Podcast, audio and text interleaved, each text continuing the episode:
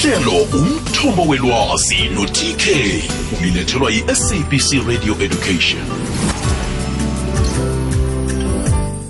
Ikwekwezi FM kukhanya ba. Siyalotshisa siyakwamukela. Mlaleli ntambama namhlanje siku ngomvulo kumnandi hle ukufumana ubeka indlebe. Ngalesi sikhathi sobusuku mlaleli kazi-ke nawe usanda ukuvulela njenganje umhatsho lo awukachaphi bala ikwekwezi FM kukhanya ba olotshisako nokwamukelako ngu-tk nduli unamgwezani. Singena ehlelweni lethu lezefundo umthombo welwazi eliza kuweqobe ngomvulo naye machumi amathathu mzuzu ngemva kwesimbi yethoba bekubumbane isimbi yechumi ihleleleke kuhle khulu kwamambala ihlelo lethu. Kazi-ke umvezi walo ngupatrick gabini uhlalethwa. Namhlanje simlalele kokwezi FM sithe khe sicale eh, indaba nasi-ke. Yokwazi ukufunda. Ukhumbule ngomhla ka-8 kukhukhulamungu inyanga le bekulilanga lentshabatshaba lokwazi ukufunda. Leli-ke mlaleli kulilanga lapho kuyeleliswa khona ngokuqakatheka kokwazi ukufunda ephasini. Mazombe kufaka-ke phakathi nokuklola phasi mazombe intshaba zibambisana ne-united nation ekwakheni em amahlelo nanyana-ke ekwenzeni eh ama-project ayelisa ngamazinga wokufunda.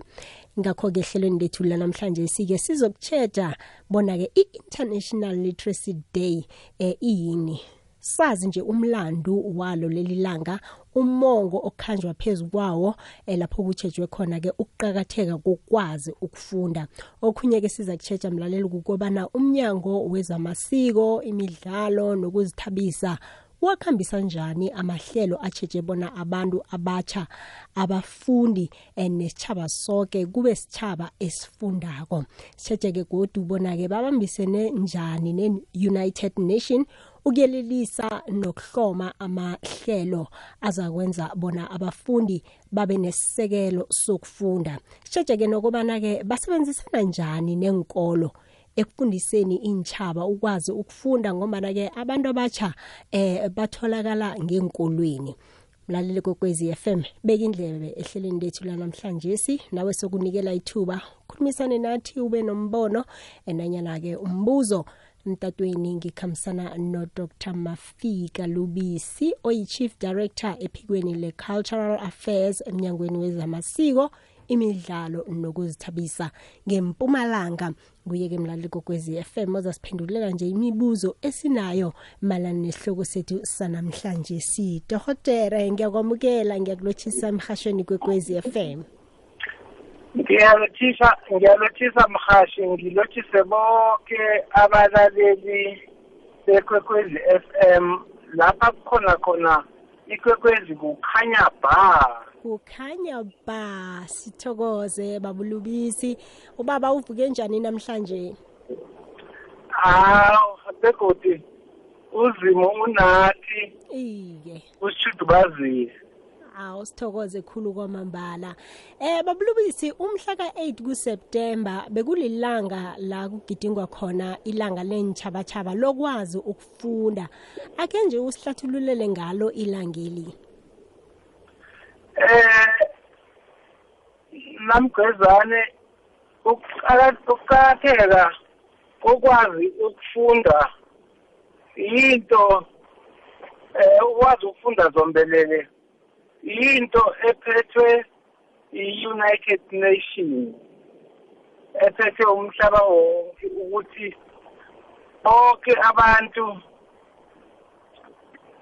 wonke amagumbi amane omhlaba kumele wonke umuntu akwazi ukufunda. Kucakathele kucakatheke khulu kwamambala ngoba ukwazi ukufunda lokhu kwenza ukuthi umuntu athole ilwazi ngako konke ukuphila okukhona emhlabeni. Kodwa ke ngoba le ushilo ukuthi inyanga yamagugu eh uma sibheka ukuthi thina abantu abanzima ukufunda kusukaphi thina ukufunda wasuka khona eAfrika eKemet eEgypt wasakona ukubhala nje. Wathoma ngabantu abanzima eKemet e-Egypt. Abakubiza ngokuthi hieroglyphic eh bakuthathela khona onke ama-Greek nje athola ilwazi balithola kithi thina abantu abanzima la e-Afrika eKemet ngakho lo suku lolu kuqakatheke likhulu kamambala ukuthi eh kugidingwe ukubaluleka kwako ukwazi ukufunda ngoba uma ungakwazi ukufunda hayi akukho ongakwenza. Ikakhulu kule mpilo le esiphila yona namuhla idinga ukuthi wonke umuntu akwazi ukufunda eh nokubhala. Mm, ukuze abone ukuthi impilo injani. Kungenjalo hayi uyarareka Kuyakuzwa ke babulubisi uyawuhlathulula umlando walo ilangeli ukuthi lisuka kuphi begodi kufanele siligidinge. Manje babulubisi ingabe ukhona umongo okukhanjwa phezulu kwawo na? Uthini wona? Nususelaphi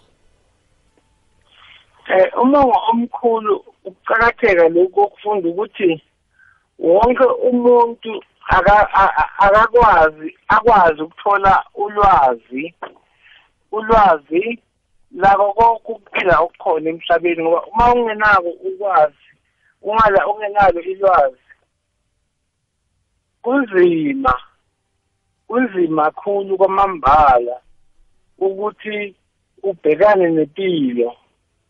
Kunzima ukuthi ukwazi ukuragela phambili ngempilo. Kunzima ukuthi ukwazi ukuxhumana nabanye abantu. Ukuxhumana nomhlaba ukusebenzisa into eziningi ezikhona ezenza impilo ihambe kuhle. Manje ke kunzima kakhulu kabi ukuthi ungaphila ungakwazi ukufunda eh eh nokubhala kulesikhathi esiphila kuso eh esingafani nayizolo lakhona noma ukwazi ukufunda kodwa bekunendlela okufundwa ngayo. Manje le ndlela sekufundwa ngayo indlela le edinga ukuthi ukwazi ukufunda nokubhala ubheke amabhuku ubheke neminye imitlolo eh ehlolwe eh nakuma technology eh ubheke oma computer njalo njalo. Ukuze uthole ulwazi. Ngene kuma social media. Ngene into eningi usithola ulwazi lolu. Kuyakuzwa babulobisi. Iyasho iteam ithi transforming literacy learn spaces. Kiwo ke umongo walomnyaka lo. Ngiba ukuthi ke ngaphambana struggle phambili godu. Kesi bodile ngapha babulubisi sizokubuya godi ehlelweni lethu. Iflaha lesewula afrika liphephezela ngemibala elithwayo lesitshaba esivangileko esinebumbano. Imibala yalo ifundlile imimida ethabaleleko naliphiphezelako umbala ohlaza ovundla phakathi uhlukanisa ngomphetho omhlophe ombala obomvu ngaphezulu nojuba ngenzasi. Umbala onzima ovala ithwayo elinguwayi usekelwe mahlangothi mbala orhawuda onguvi hashtag amagugu wethu. Silimela sikhathi sokuthwasa kwehlobo. Umkhanyo welanga uhlabe iphazi liyakhanya. Emthunzini womuthi kuphebetha umoya opholileko. Bubuhle besilimela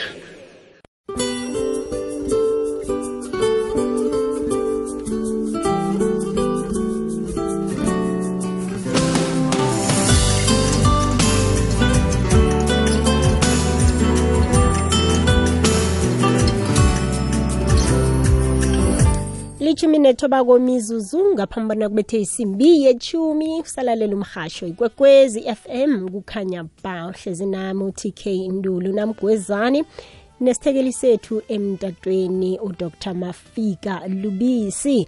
Lalele kwekwezi fm namhlanje sike sitsheje ihlathululo ye-international literacy day umlando walo ilanga leli nomongo okhanjwa phezu kwawo enza njalo-ke nawe usidosele nange unombuzo nanyana umbono.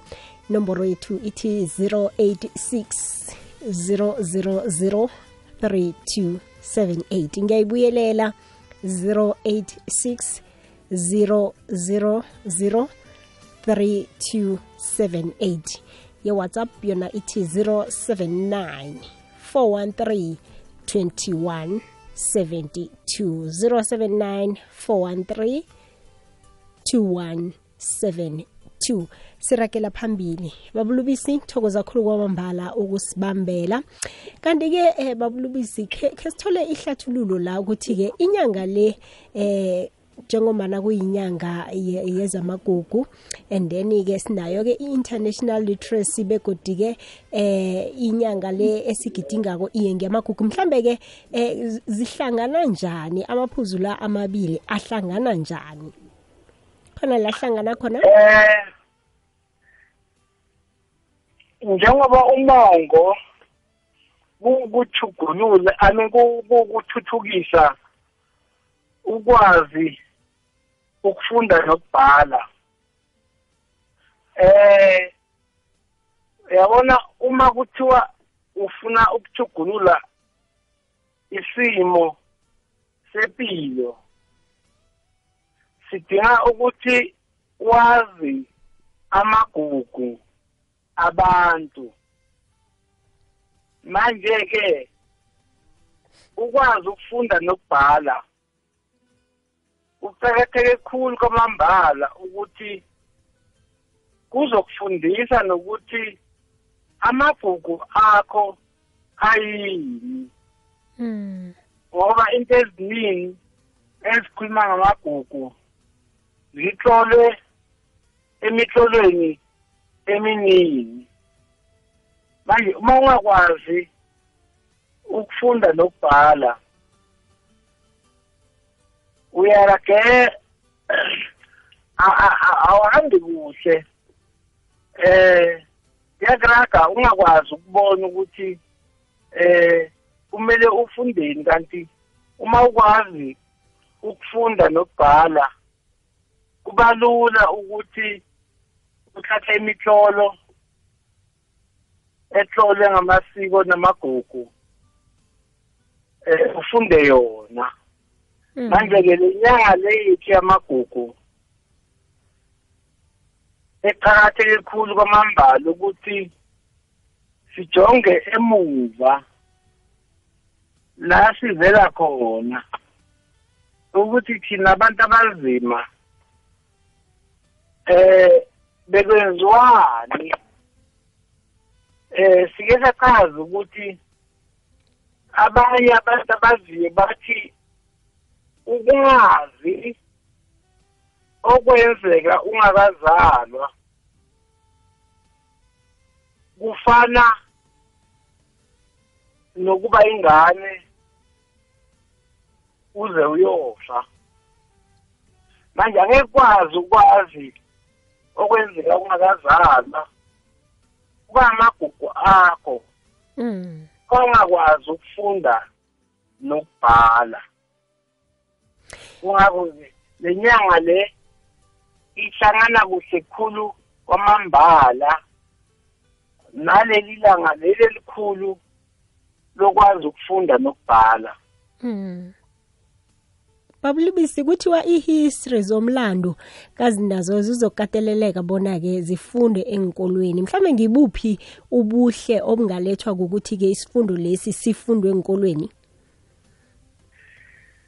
eh namgcozane i-history iyafundwa beyifundwa ey'nkolweni iye iye. Umraro okhona ukuthi itlolwe ngubani i-history le efundwayo Mm. ikhuluma ngobani Mm. isiza njani thina abantu abanzima Mm.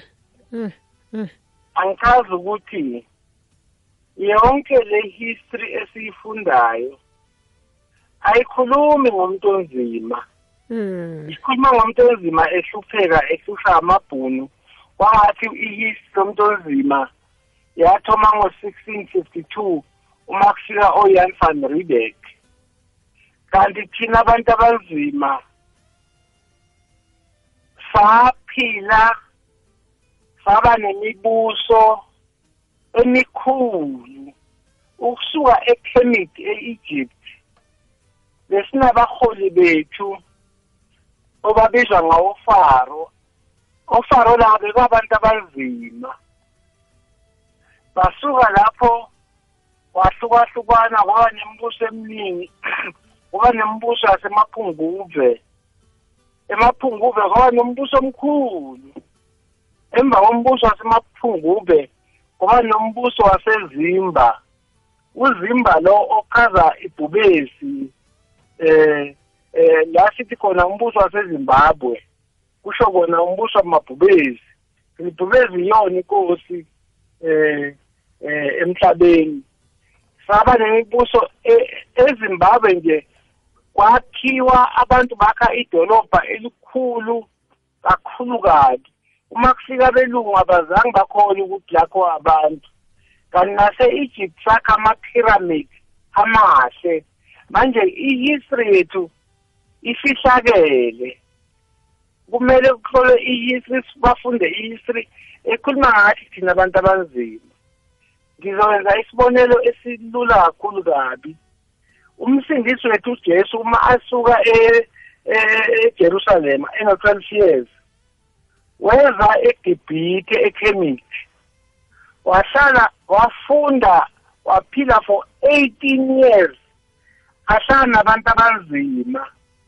Kodwa ngisho nasebhayibhelini akukho not a single sentence ekhuluma ngalowo mlando omuhle kakhulu kabi Mm. ukukhuluma ngayo. Yabona ukuthi umlando omuhle ngisho nasebhayibhelini awukho ngoba ubehlala nabantu abanzima kwangathi ngikhulumile ngathi ukuhlola lokhu hieroglyphics kwathoma eKemet kubantu abanzima ama-philosophers ase-greek osocrate oplato obanibani bafunda kubantu abanzima eKemet eGibhithe. Kodwa le- history leyo ayihlulwanga phansi. Kunento eziningi ezathonywa abantu abanzima ba-inventa into eziningi esikhona emhlabeni. Kodwa akuveli lokho. Mm. bayazi ukuthi amalo imet opythagoras theorem. Yathoma egibhithe yathoma eKemet size sithi nje opythagoras bayifunda lakithi kodwa ungathi manje abelungu ibona abahlakaniphe kakhulu ukudlula thina abantu abanzima iyona history-ke ekumele siyifunde le Mm. ukwazi Mm. ukuthi isukaphi thina singama-afrika siyinto yodwa manje baba mafika njengoba utsho ukuthi izinto eziningi zi- zifihliwe ebegodi kube negandelelo lokuthi zingavezwa ezenziwa ngithi abantu aba- abanzima. Mhlawumbe ngiyiphi indima edlalwa ngezobukhari performing art eh kiyo lenyanga le eh ekutshejeni nokuthuthukiseni umphakathi eh nokuzazi. Kodwana ngaphambi bani ungiphendule bam- babulubisi ngibawa khesi yokuthengisa sizokubuya. Ngena emahlelweni ngokuthumela iphimbo lakho ngewhatsapp ku-079 413 2172 ikwekwecfm kukhanya. ba lalela ihlelo olithandako ngepodcast ngesikhathi sakho ku-ikwekwecfm co za kukhanya ba.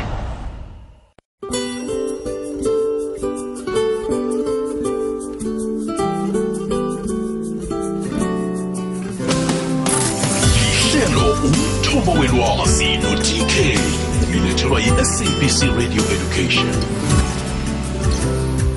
ebunane kwaphela imizuzu eseleko ngaphambi bona kubethe isimbi yechumi ngesimbi yechumi siyalisonga ihlelo lethu umthombo welwazi.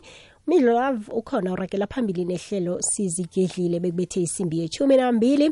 Likhona-ke ihlelo sakha isitshaba ngo-half past 10 lingakuphundi imlalelo kwekwezi fm batsheje indaba yesiqitho bona kuyini isiqitho. Kuhambisana nesithekile lapha-ke unanasi sikhosana. Beyindlebe uza kunikelwa ithuba nawe lokubuza um ngendaba bazobe bayiphethe namhlanje siyesiqitho mina nawe sisiragela phambili-ke nehlelo lethu lezefundo um lanamhlanje sikehlelo-ke nathi sitsheje indaba yokuqakatheka kokufunda. Njengoba nangomhla ka 8 eh kukhukhulamungu bekuyi-international literacy day besicale lapha-ke nomlando walo ilanga leli nomongo okhanjwa phezu kwawo. Khambi ngedwa-ke emtatweni nginobaba udr mafika lubisi. Kuye-ke osipha ihlathululo eh, ngalo ilanga lanamhlanje si umlando walo nokuqakatheka nje kwalo nokuthi lihlangana njani mlaleli kokwezi FM nenyanga esiphezu kwayo le inyanga yamagugu. Babulubisi ngiyakwamukela-ke godu baba. Ngithokoze khulu kwamambala ukusibambela. Asiragele phambili-ke khe sicale eh babulubisi njengobana utsho uveza bona yeyi ziningi izinto ezibonakale eh, abantu abanzima bazenza kodwana zafihlwa khe ngezivele ngaphambili. Eh, njenganje-ke ngikuphi mhlambe okudlalwa yindima yezobuhwari performing art enyangeni le esiphezu kwayo? Ukuthuthukisa umphakathi eh, nokuzazi. Mhashi amakhowa asichahlumeza acindezela eh umlando wethu. Manje ubukhwabi lobu bunabantu abakwaziyo ukuthi baveze amaqiniso asihlakele ngokuthi kunencwadi ezabhalwa ezatlolwa abantu abanzima abanzima kwathiwa zingafundwa. Ngizokhuluma ngencwadi ethi eh stolen legacy.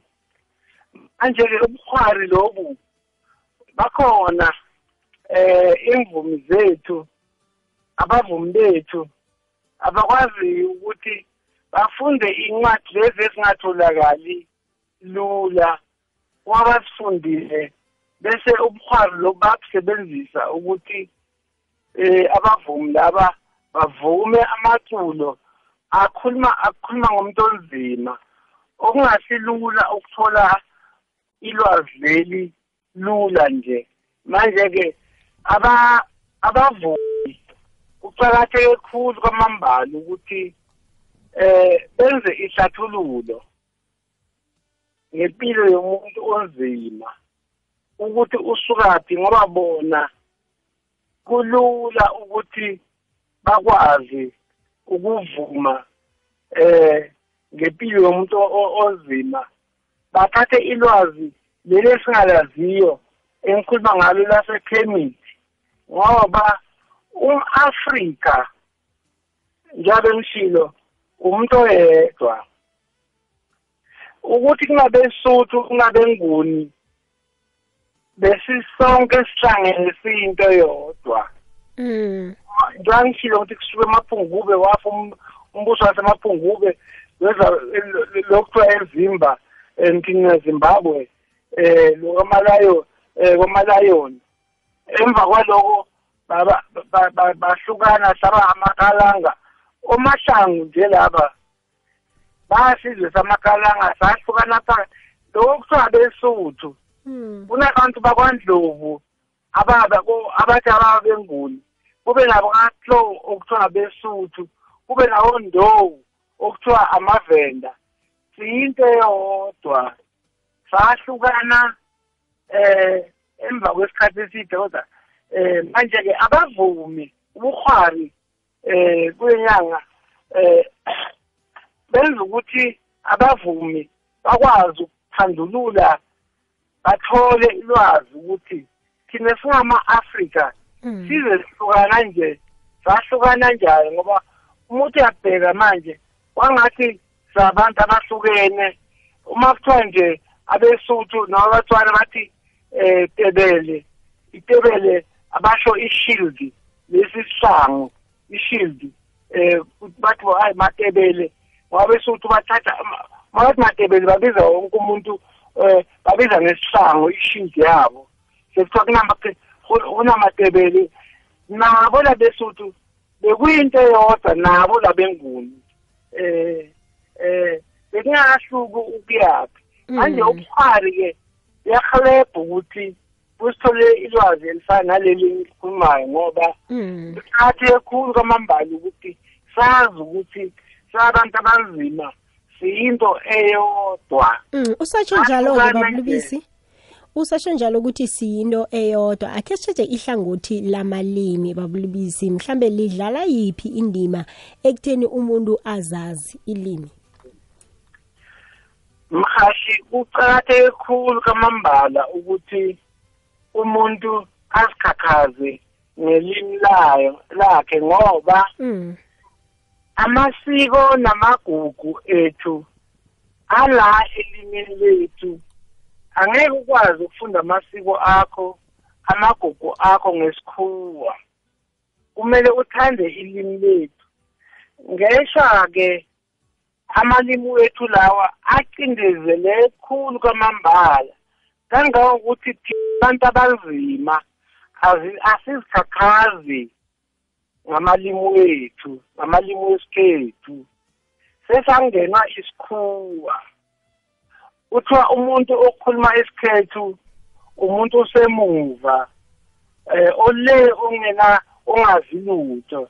Kanti ilimi li- licathe khulu kwamambala ngoba isitshaba isitshaba ngelimi laso. Asikho isitshaba esingaba isitshaba ngaphandle kwelimi kwe- kwelimi laso. And ukufa kwelimi ukufa kwesitshaba kumele abantu basikhakhaze ngamalimi wabo ikakhulu amalimi wesikhethu ngoba siyiloko esikhona ngamalimi wethu.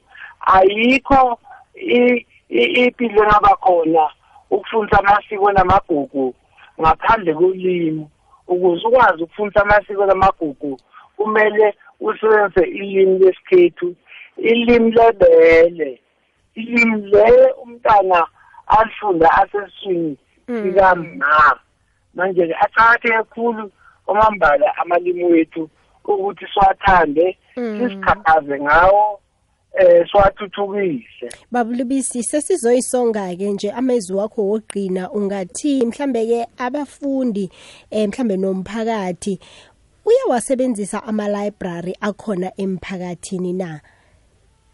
Ungathini ngokubakhuthaza mhlambe umphakathi nabafundi ngokusebenzisa ama library bese ke siyayivala eh amakhuwa athi uma ufuna ukufihlela umuntu onzima ilwazi mm lifake emabhukwini ngoba thina abantu abanzima asithandi ukufunda.